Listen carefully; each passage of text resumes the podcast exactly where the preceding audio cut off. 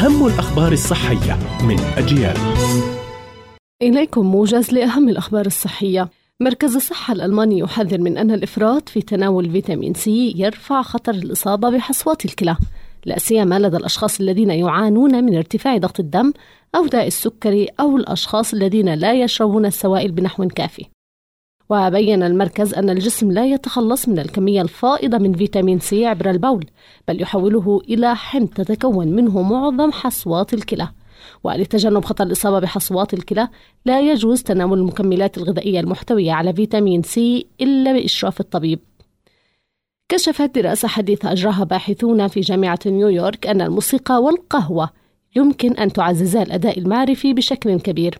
وأظهرت الدراسة زيادة نشاط موجات الدماغ نطاق بيتا المرتبط بأقصى أداء معرفي عندما ينخرط الأشخاص في سماع الموسيقى أو احتساء القهوة.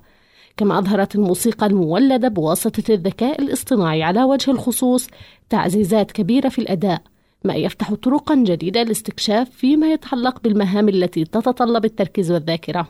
تعد الأظافر الصفراء والسميكة علامة على مرض السكري طويل الأمد. ولكن من المحتمل أن تظهر في وقت مبكر من المرض. وتزدهر البكتيريا والفطريات عندما يضعف جهاز المناعة والدورة الدموية لدى الشخص وهو ما يحدث غالبا عند مرضى السكري.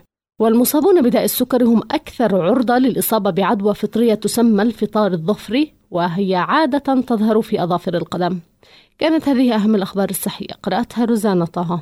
إلى اللقاء. thank you